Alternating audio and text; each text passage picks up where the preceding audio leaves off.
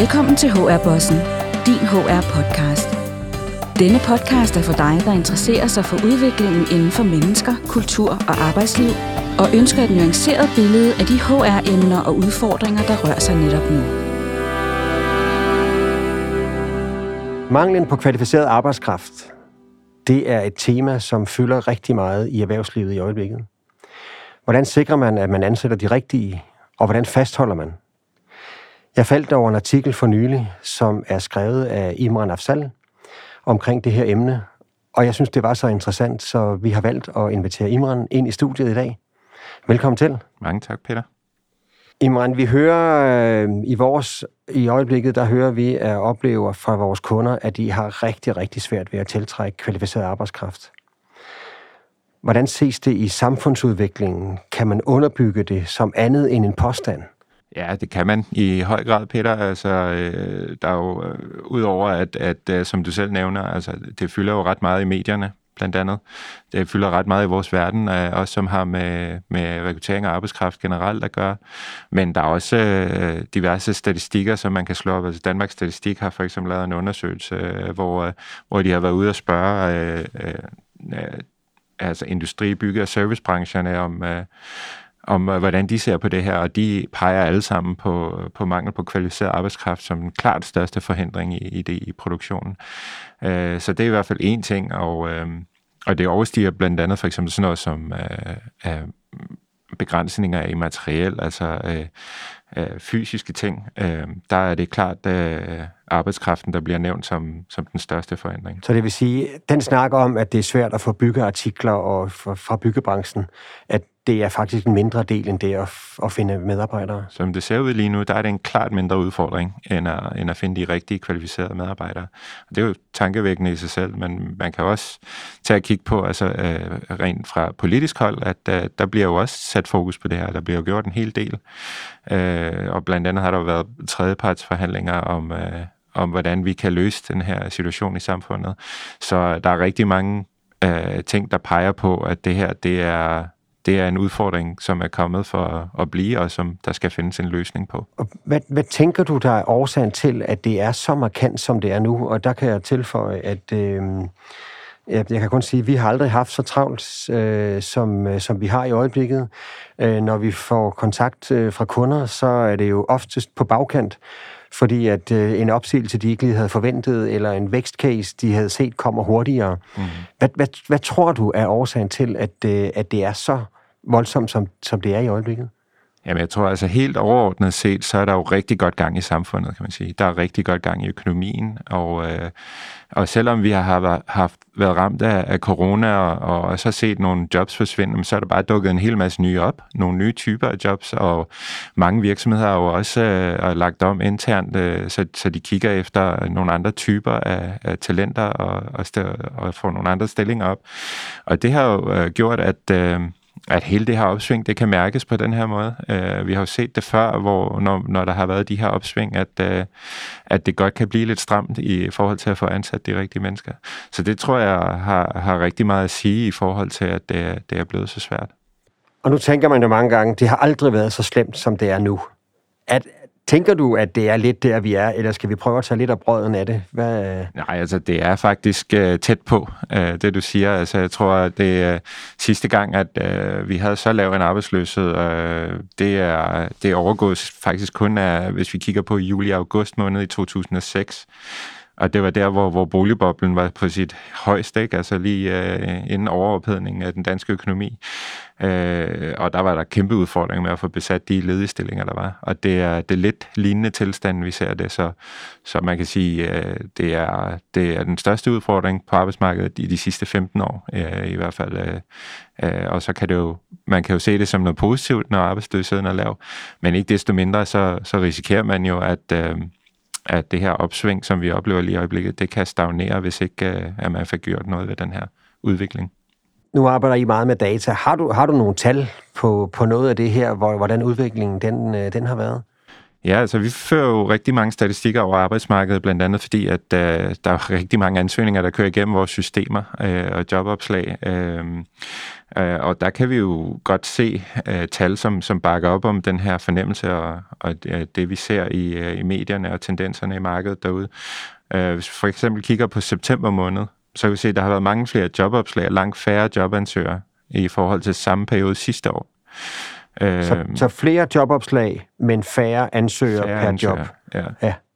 Men, øh, men stadigvæk så har man ansat dobbelt så mange af de ansøgere, som man gjorde i samme periode sidste år. Øh, så det er øh, helt klare tal, der viser, at ja, altså, der er et stort jobudbud, der er få ansøgere, men man ansætter langt flere mennesker.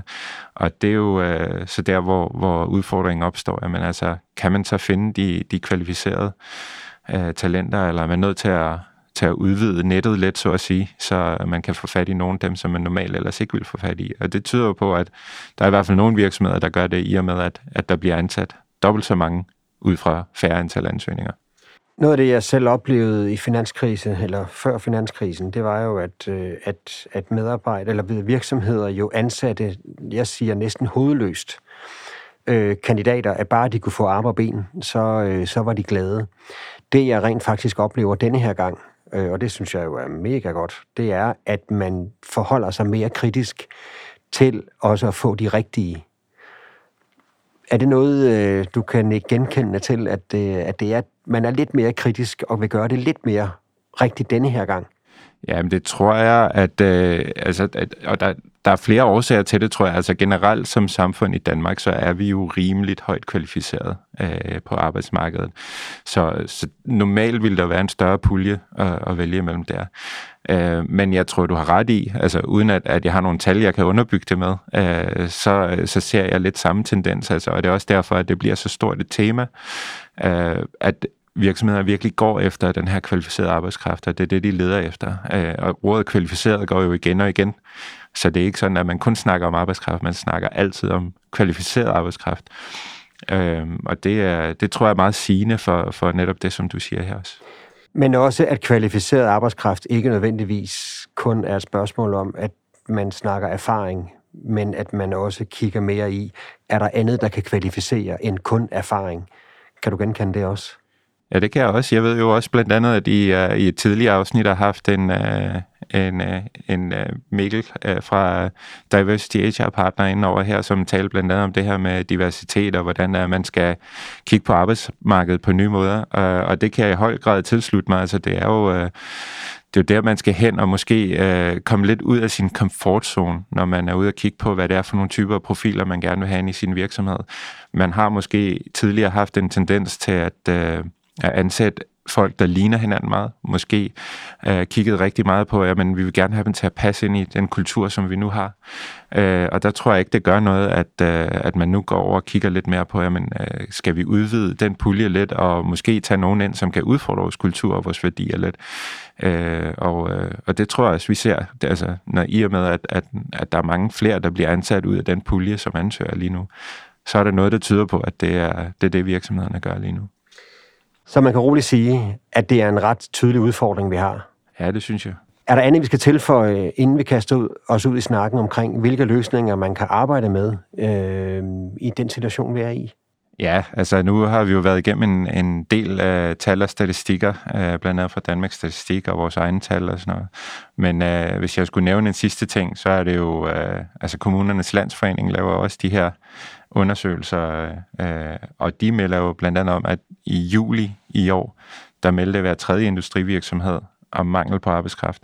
Og det er rekord øh, øh, for, for den type undersøgelser. Så, så hvis ikke øh, man synes, at den udfordring er ret tydelig, så øh, skal man nok have nogle bedre læsebriller.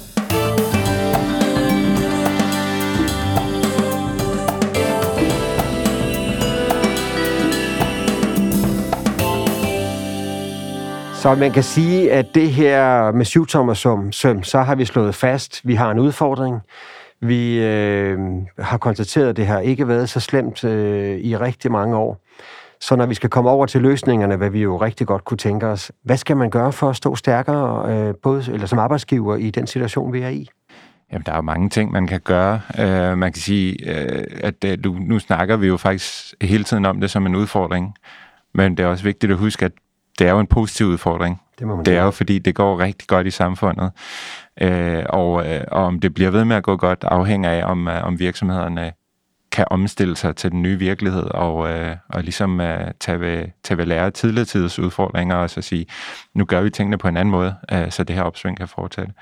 Så, øh, men hvis vi skal snakke helt konkret om, hvad man kan gøre, jamen altså hvis man skulle starte et sted, så vil jeg sige sådan noget som øh, employer branding, altså hvordan man fremstår som virksomhed. Som vi faktisk tidligere har berørt ja, netop, øh, i en af vores tidligere udsendelser. Øh, ja. Og det er jo øh, sådan ting, som man, man især som HR-person eller i HR-branchen generelt øh, snakker en del om.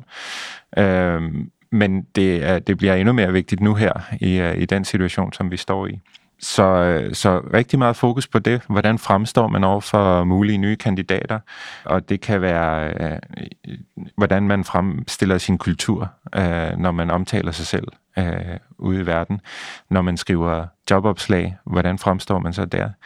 Øh, det omdømme, man har, det kunne være i medierne, øh, det kunne være blandt tidligere medarbejdere, nuværende medarbejdere, kan man lægge nogle øh, testimonials op, øh, der kan fortælle nogle positive historier om, hvordan det er at arbejde i ens virksomhed. Øh, det, er, det er sådan nogle ting, man kan, man kan arbejde med, men det er lige så vigtigt at kigge på selve ansættelsesprocessen, som i virkeligheden er mange kandidaters første kontakt med virksomheden.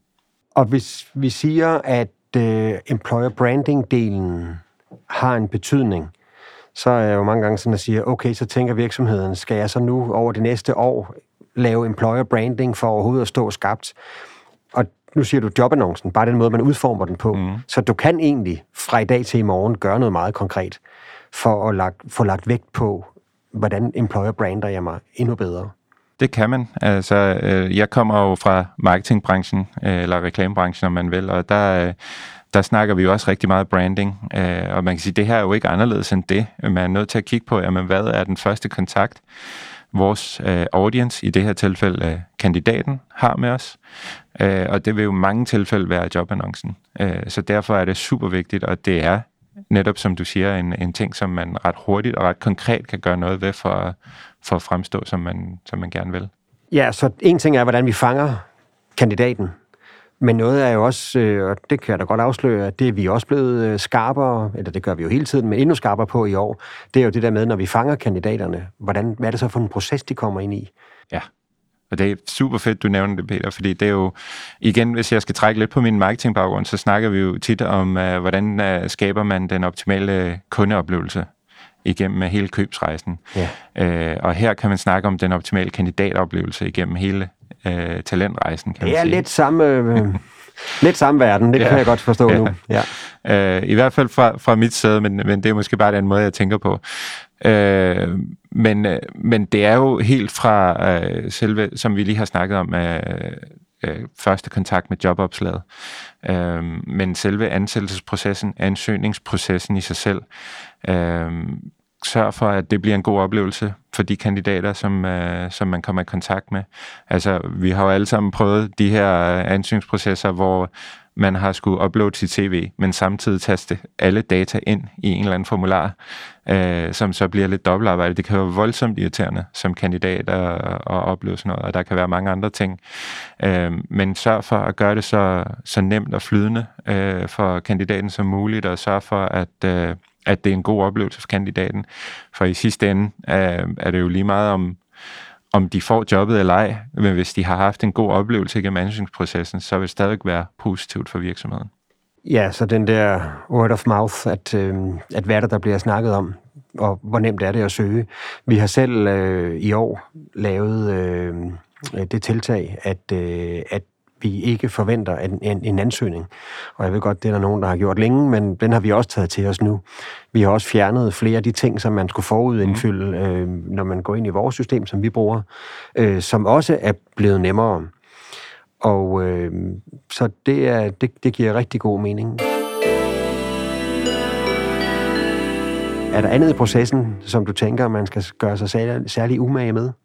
Ja, man kan sige, nu hoppede vi jo direkte til, til jobopslaget og, og ansøgningsprocessen. Man kan sige, mange virksomheder lige nu vil jo måske gerne have kontakt til en pulje af kandidater, som, som ikke nødvendigvis har set en jobannonce, som man har slået op.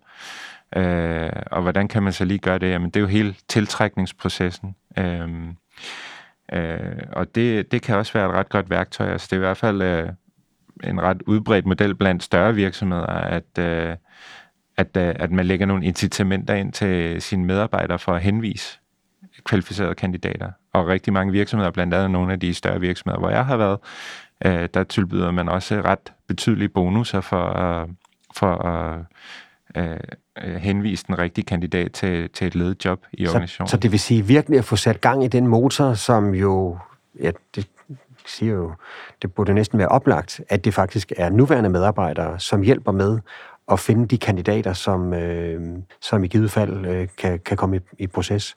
Ja, lige præcis, og det er jo ikke fordi, at øh, vi skal gøre sådan nogen som dig arbejdsløs, Peter. Øh, ah, nu er der mange ansættelser, vi ikke er inde over, kan jeg godt afsløre. ja, men, øh, men, øh, men altså, det er jo, I er jo ret nødvendige i den proces, så, så det er ikke så, så meget det, det handler om, men, øh, men netop det der med, at, øh, at man får adgang til nogle kandidater, som er kvalificeret på forhånd. Altså i hvert fald delvis kvalificeret, fordi du har nogen i organisationen, som kender dem, du har nogen i organisationen, som kan sige god for dem, øh, og derfor så kan man måske sprede nogle led over i så forhold til screening og, og sådan nogle ting. Øh, men hvis du har en, en medarbejder, du stoler på, som siger, at den her person kan godt udfylde den her rolle, jeg kender vedkommende, jeg ved, vedkommende har de, de rigtige skills, de rigtige værktøjer til at kunne, og den rigtige personlighed i øvrigt, til at kunne klare det her, så er man ligesom det skridt øh, længere allerede der. Ikke? Og jeg kan allerede høre, at det her det kræver jo også, at man så som arbejds, øh, arbejdsgiver måske åbner endnu mere op for, når man søger nye medarbejdere, at, at, øh, at alle kollegaer bliver involveret på en eller anden måde. Så det er ikke bare, at de læser jobopslag, og så må man se, hvad der sker, men at de på en eller anden måde bliver involveret. Og nu er det også noget med noget bonus. Og, øh, det, er det en lille gul sædel på direktørens øh, bord, at øh, prøv lige at ringe til ham her eller hende her, eller Ja, altså det er, det, det er en rigtig god idé. Altså udover alle de andre fordele, der er med, at medarbejderne føler sig involveret i, hvordan uh, at virksomheden uh, opererer og, og, øh, og også har et forhold til, til de folk, som man ansætter, øh, så, øh, så for at lægge det her incitament ind, så skal man jo kunne have nogle processer, som man kan tracke øh, på, på den rigtige måde. Hvem laver henvisningen? Hvem er det, henvisningen drejer sig om? Øh, ender vedkommende bliver ansat, eller ryger de tilbage i en pulje, som vi kigger på på et senere tidspunkt, eller bliver de kvalificeret helt ude, og, fordi at de, de højst sandsynligt ikke bliver interessante for os igen. Al den information skal man jo samle op på, på en eller anden måde. Øh, også i forhold til udbetaling af bonusser, fordi potentielt set kan det jo blive ret mange penge for en virksomhed, og for dem, der henviser kandidater jo ikke. Øh, men man skal have en eller anden måde, hvor man kan tracke det på, så man, øh, så man ved lige præcis, hvem der har henvist hvad, og, og hvem man skal udbetale øh, bonusen til. Og kan det betale sig, det her med? Er det, øhm, nu kan vi jo godt lide data, så ja. en gang imellem lige at bringe lidt data på bordet. Ja. Kan, kan det betale sig at, øh, at gøre det på den her måde?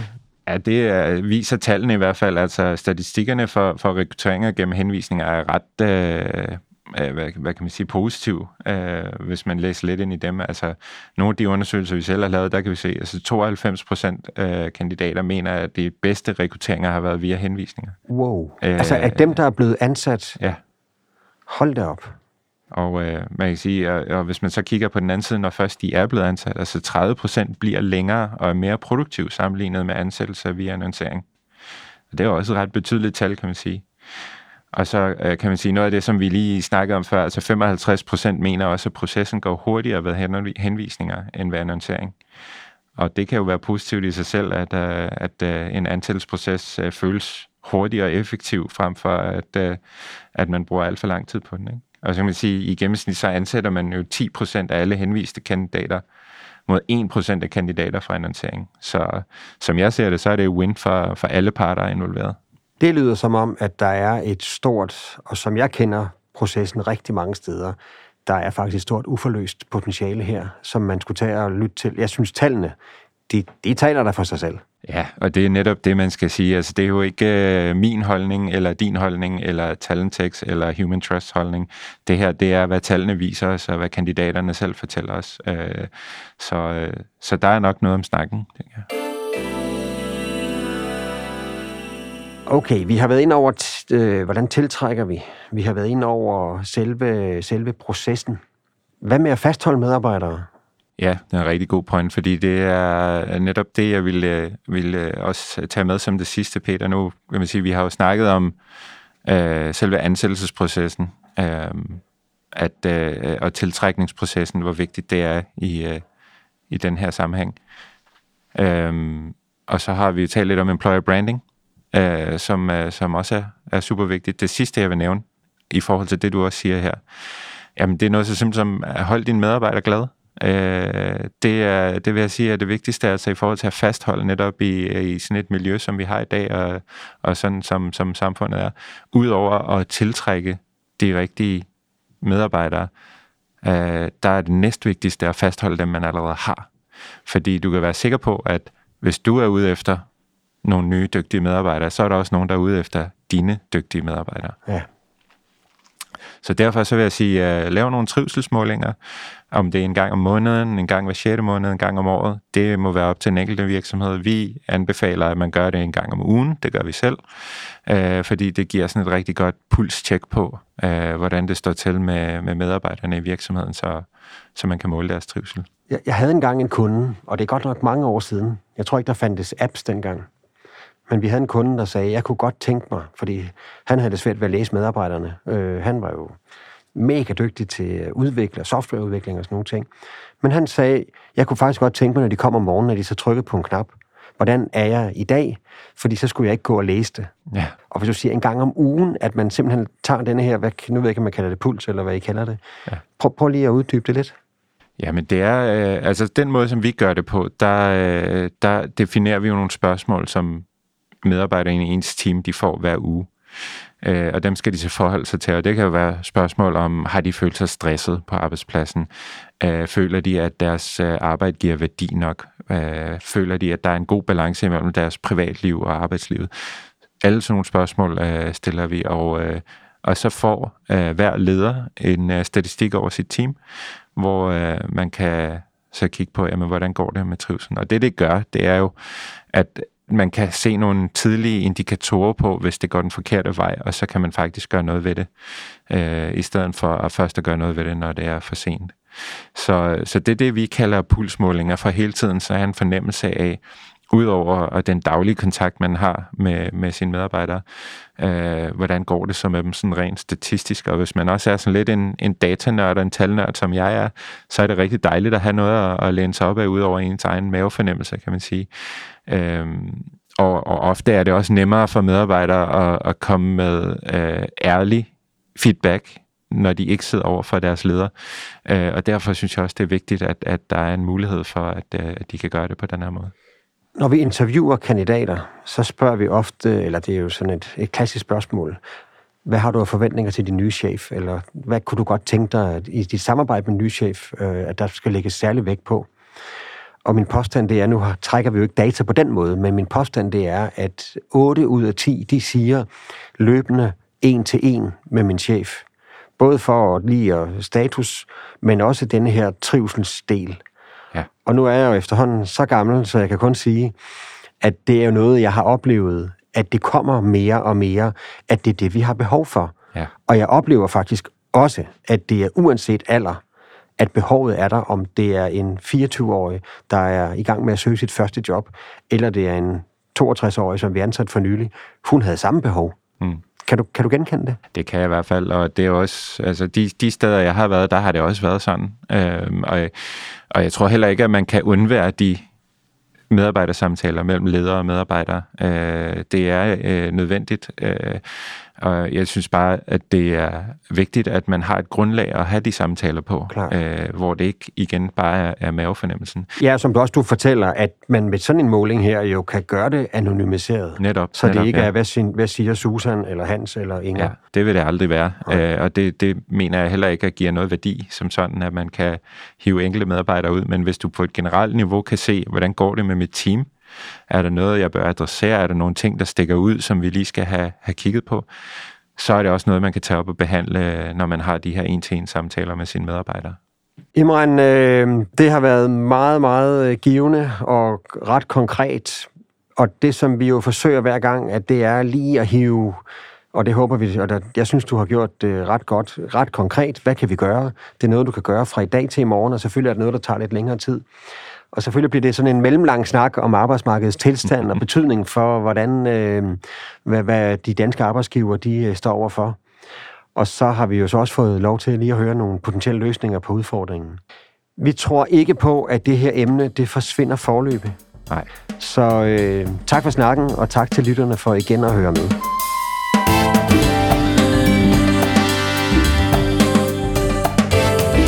Du har lyttet til HR-bossen, din HR-podcast.